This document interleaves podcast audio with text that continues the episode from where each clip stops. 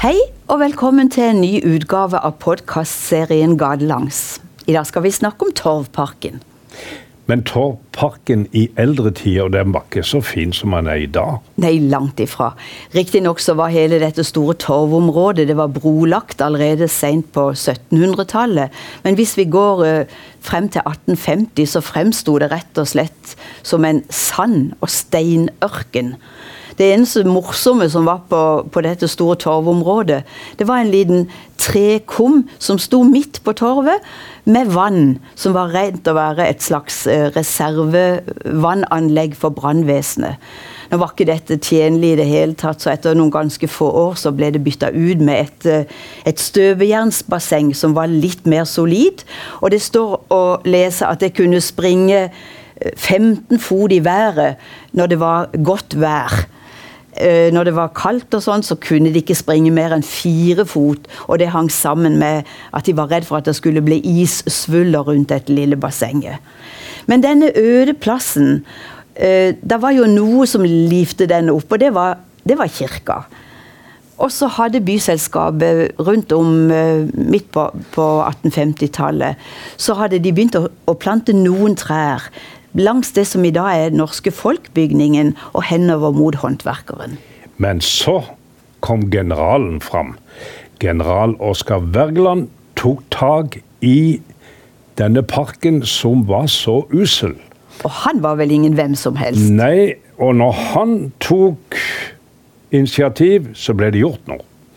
Han faktisk satte seg ned og lagde egne utkast til åssen parken skulle se ut. For har man litt av en liten arkitekt, den samme general Oskar Wergeland. Og disse utkastene hadde det til felles at han lagde veier som krysser hverandre. Mm. Eh, sånn skulle det være på denne her parken. Og vi vet at på Statsarkivet så finnes det faktisk noen av de tegningene enda. Og så gikk han i gang, bokstavelig talt. Han kommanderte soldatene sine. Og siden han var formann for byselskapet, så fikk han byselskapet til å spandere 600 spesidaler. Og så var det vel også en, en konsulreder som uh, ga et beløp til byens forskjønnelse, ja. som det heter så vakkert. I alle fall så hadde han nok til å gå i gang med dette her, og frakte jord til parkanlegget her. Så han lot altså rett og slett soldatene bytte ut geværer med en spade. Ja, og det var jo mye mer hensiktsmessig for byen. Og så var det vel sånn at han så for seg at midt i, i dette krysset mellom de to veiene som, som, skulle være i parken, så skulle det ligge noe. Ja, det måtte være et midtpunkt ja, ikke parken. Sant? Og da så han vel for seg at det skulle være en fontene. Ja. Og han eh, kontakta sin gode venn arkitekt Georg Andreas Bull inn i hovedstaden. Han var for øvrig bror til Ole Bull. Og i 1866 så tegnte altså Georg Andreas Bull et utkast som han sendte til generalen. Og det var en eh, granittfontene som var 15,5 fot høy. Og den så flott ut. Det syns både generalen og ikke minst hans gode venn og medarbeider kaptein Rode. Og det de var veldig begeistra for, det var jo nettopp det at dette var et monumentalt verk. Det ville stå det ville være varig, og det ville være vedlikeholdsfritt. Og dermed så, øh, så, begynte faktisk arbeidet med denne fontenen ganske raskt. Og så var det jo et ganske øh, begrensa budsjett på dette store prosjektet. Så for at det skulle holdes innenfor rammene, så ble strafffanger som satt inne på Akershus festning, de ble beordra til å være stenhuggere. Ja, så fikk de noe å gjøre. Ja, det gjorde de jo. Og det blir fortalt at det var til og med, eh, til og med noe stein, noe granitt fra et steinbrudd på Sødal som ble brukt til dette prosjektet. Og så ble fontenen gjort ferdig og brakt eh, sjøveien til Kristiansand og satt opp midt i parken. Og det ble, jo, eh, det ble jo akkurat det som generalen hadde sett for seg. Ja, for det ble en suksess. Ja visst gjorde det det. Og parken ble full av folk som gleda seg over vannspruten og over trær og blomster som var kommet på plass. Så det ble virkelig et blomstrende folkeliv. Ja. Folk i alle aldre brukte Torvparken. Men så skjer det jo noe. Den blir stående i eh, godt og vel 50 år, eller rundt 50 år. Og så eh, skjer det noe. Plutselig så blir denne fontenen tatt ned. Og det som kommer i stedet for den, det er statuen av Henrik Wergeland. Og da ble fontenen i første omgang flytta ut på Øvre Torv. Eh, Nokså rett foran hovedinngangen til rådhuset. Ja, men der var jo torvhandlerne? Ja visst var torvhandlerne, men det ble plass til fontenen allikevel. Og den ble satt der. Ringen ble plassert rett på broleggingen, og vannet ble satt på. Og så ble dette her eh, lenge hyggelig for, eh, for Kristiansands befolkning fortsatt. Men så var det noen som begynte å irritere seg, og det var bl.a. torvhandlerne. For når det blåste og regnet osv., så, videre, så ble det masse støv og sand som ble blåst opp, og som ødela både blomster og frukt og grønnsaker. Og til og med på rådhuset så begynte folk å, å, å irritere seg fordi vinduene ble belagt med, med sand og søle. Jeg tenker Rynning Tønnesen var forbanka. Det kan godt være. Men også pga. at eh, dette store torvet skulle asfalteres i 1938, så ble fontenen tatt ned nok en gang og lagt på lager. Nede på Tangen. Ja visst! Der kommunen hadde ingeniørvesenet sitt, og der vi hadde søppeltømminga. Ja. Der ble den liggende der nede som en avdanka øh, fontene. Den flotte løvefontenen. Ja, og den selve ringen rundt den kom iallfall litt til nytte, for ungdommen i byen, særlig guttene selvfølgelig, de brukte den som velodrom. Men der ble han liggende. Men folk i byen de skrev i, i avisen og spurte og blir det av denne her fontenen. Så folk savna den De savna han. Ja. Og til og med eh, så langt fram som i 1968 så det en, var det en utredning som fant ut hvor mye koster det å få denne her på plass. Og det Ville koste penger. 200 000 kroner, og det hadde de jo ikke råd til. Nei. Så det ble forkasta, og kommunen eh, spurte Vest-Agder fylkesmuseum om de ville ha den. Men så heldigvis Byen skulle ha et jubileum. 350-årsjubileum. Ja, I 1991. I 1991, og hvem som fant på at nå må vi få fontenen opp, det vet ikke jeg, men det må sannsynligvis ha vært noen i myndighetene. For i alle fall, da skulle de restaurere og få denne fontenen opp igjen. Men det som, eh, altså det som det kosta å få denne på plass igjen, hvem var det som betalte det? Det var bankene i byen. Ja, Og Skipskredittforeningen, Akkurat. som gikk inn med midler. For de måtte hjelpe til. Ja. Og så plasserte de han, men på en ny plass. Ja, for det med plassering, det var jo eh, et, sånt, et stadig diskusjonsmoment i, i Kristiansand. Og hvis den skulle ha kommet opp igjen på samme sted som han hadde stått utenfor rådhuset tidligere, så ville han ha kommet i konflikt med den flotte statuen som Per Palle Storm hadde lagd av kong Haakon den syvende. Så de ville konkurrere liksom eh, i det bildet. Så dermed så ble det bestemt at han skulle et annet sted. Og det nye stedet det ble faktisk lenger nede på torvet. Og fontenen ble satt opp da i forlengelsen av aksen gjennom domkirka. Ja. Men så var det jo en morsomhet som skjedde i 1991. Og det var vår varaordfører Harald Sødal, som satt på sitt kontor oppe i andre etasje i, i eh, det som ble byhallen etter hvert. Den gamle brannvakta. Og så kikker han ut og ser at uh, ingeniørvesenet holder på å skrelle av den gamle asfalten av torvet. For nå skulle brostenen frem igjen. uh, i forbindelse med dette jubileet. Og så ser han tydelig en runding i, uh, i denne brolegginga, og skjønte at ja, akkurat det var det stedet hvor den fontenen hadde stått plassert foran rådhuset. Jeg har faktisk sett at lærere tar med seg elevene sine, og så går de rundt Ja visst. på, den, på det stedet der den gamle fontenen Ja, for det ble lagt, en, ble lagt en ring i den Ja. broleggingen, og hvem som helst kan se den. Ja. Gå fra rådhusdøra og litt nedover torvet, så kommer den helt tydelig frem. Men der fontenen havna, og der han står i dag, det er jo en flott plass. Ja da, og det ble jo, eh, han ble jo avduga på nytt i 1991 av vår ordfører Paul Otto Johnsen. Og han fikk lov å skru på eh, vannet, sånn at fontenen virkelig mm, ble praktfull igjen. Men så ble han jo fjerna enda en gang. Ja. Og det er jo i vår aller nærmeste fortid. Men du, da de tok han vekk fra Wergelandsparken, hva kom der inn istedenfor da? Ja, det kan du si. Eh, det var jo selvfølgelig statuen av Henrik Wergeland som ble den som skulle konkurrere med, med Fontena. Ja.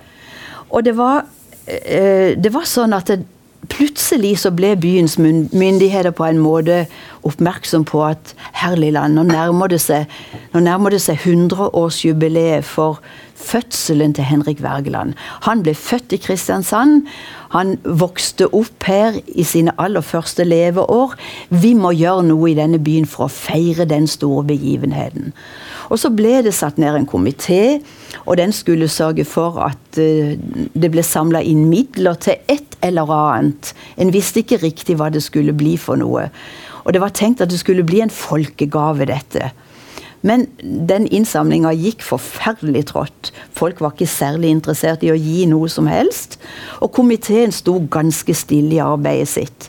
Og så, så skjer det at vår eminente billedhugger Gustav Vigeland han kommer byen i møte og sier jeg vet at det nærmer seg byjubile, det er jubileum for uh, Wergelands fødsel.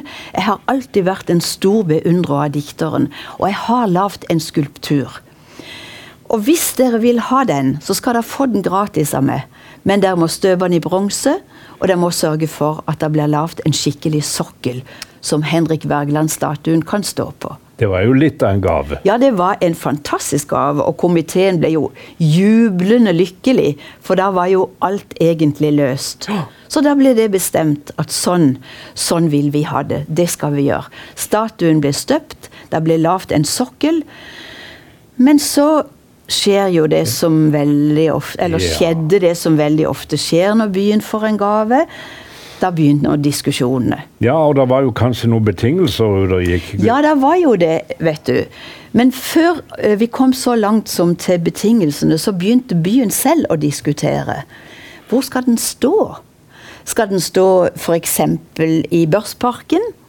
Og det, det kjempa eh, eh, Wilhelm Krag og hans likesinnede veldig for. Da kunne Henrik Wergeland stå nede i Børsparken og ta imot alle reisende som kom sjøveien til Kristiansand.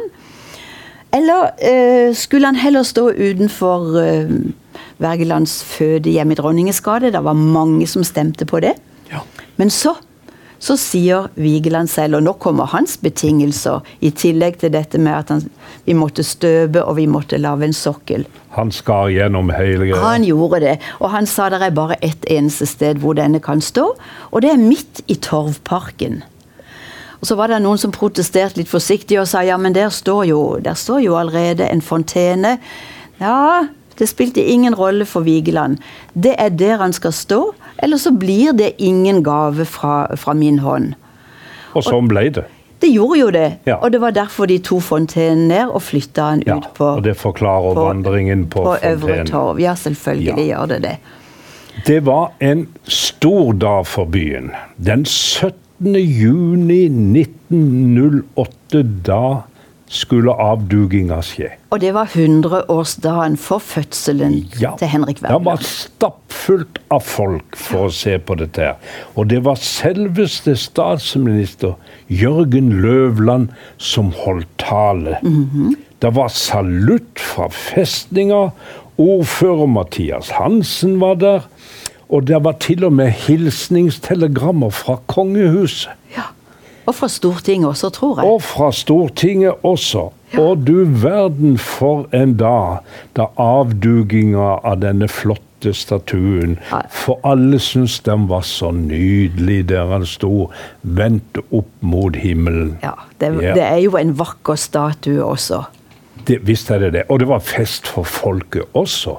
For det var festmiddag på klubben, og så var det folkefest i Ravnedalen. Det var musikk og dans og sankthansbål. Det var jo rett før sankthans. Ja. Og det var så staselig alt sammen.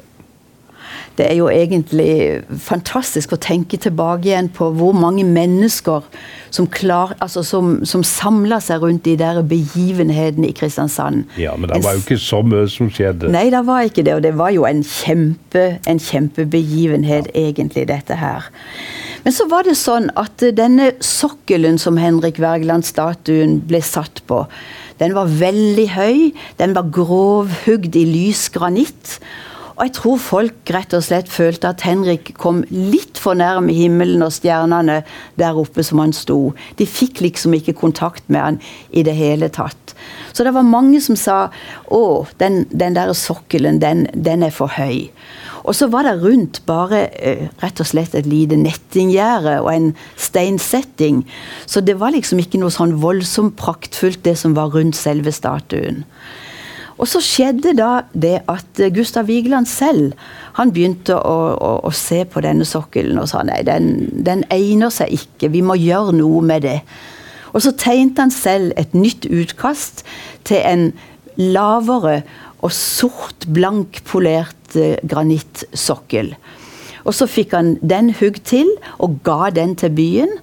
Og samtidig så uh, fikk han også tegnet et nytt, flott uh, stakitt.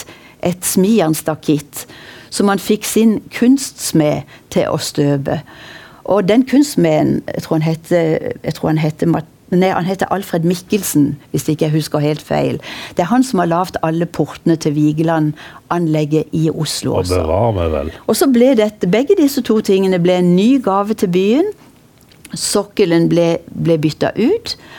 Og så, øh, så ble dette stakittgjerdet satt opp, og det var folk veldig godt fornøyd med. For nå, nå fikk de kontakt med denne flotte dikteren. Ja, og rødrusen i byen de benytta jo alltid muligheten på 17. mai å klatre opp Og bekranse og Henrik bekranse Wergeland. Henrik Wergeland. Ja. Men det veldig mange kristiansandere ikke vet, det er at samtidig med den statuen i parken vår, Ja, så kom det en tilsvarende ja, statue i Nord-Dakota. ja visst gjorde det vel det. Det var i byen Fargo. Så var det en, en utflytta kristiansander, Ja.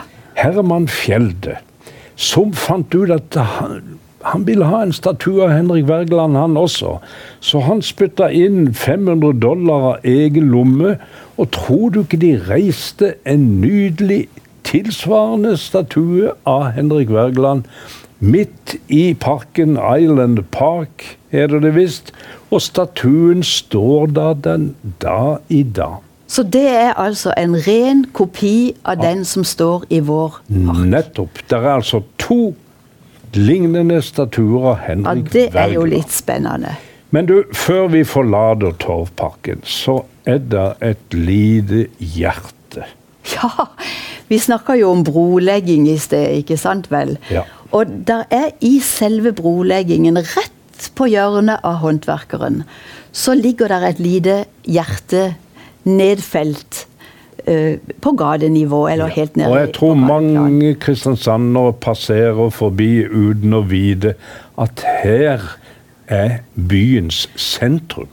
Ja, og det var jo en veldig artig eh, greie, akkurat det der.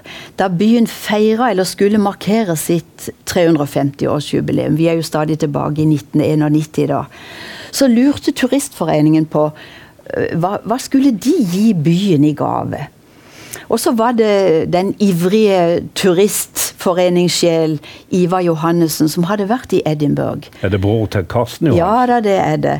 Eller var det. Var det, ja. Og, og, eh, og, Ivar han hadde vært i Edinburgh, og så hadde han gått på hovedgata der, og så hadde han sett at midt i denne gata så lå der et brostenshjerte. Og så begynte han å Det lå en stein i midten også. Og Så gikk han rundt og så spurte han, hva er dette for noen ting. Jo, så fikk han høre at dette var sentrum i byen. Dette var byens hjerte. Og gamle eh, fortellinger sa det at eh, i tidligere tider så kom folk traskende over eh, bort mot dette hjertet. To av seg treskoen, spytta på den på baksida, gnurte det på den steinen som lå midt i hjertet. Tok på seg treskoa og gikk videre.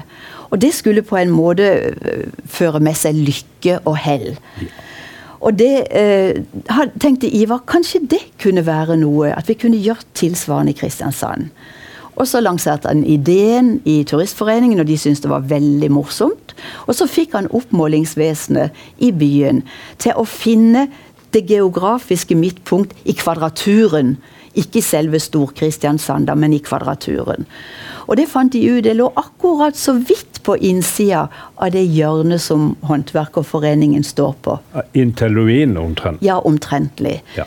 Og det var jo ikke mulig å lage noe hjerte på innsida av, av veggen, ja. så det ble lagt rett i, i kanten av, av, det hjørnet der. Og midt i eh, midt i dette hjertet som ble lavt av gammel brostein som de fant ned fra Tangen, de også, ja. så ble det satt et messingkors. Og hvis en spør kristiansandere, eller turister for den saks skyld, når en rusler rundt her, og, om hva tror dere dette her messingkorset betyr, så er det jo veldig mange som svarer at ja, det ligger jo så nær domkirka, så det har vel noe med kirka å gjøre. Ja, Men det har de ikke. Nei, det har de jo ikke. For det er jo Turistforeningen som står bak dette her. Så det er rett og slett et lite kors som viser de fire himmelretningene. Ja. Og det morsomme er at vi var i Edinburgh for en del år ja, tilbake. Var vi det. Og da fant vi det hjertet. Ja. Og jeg husker enda at jeg tok av meg skoen spytta på den og gnurte den på den steinen. Ja. Og ønska at Start skulle holde seg i Eliteserien. Men så gikk det vel omtrentlig sånn som Gunder Tellefsen sang i, i Reinværsvisa. At Start gikk vannrett ned i første divisjon.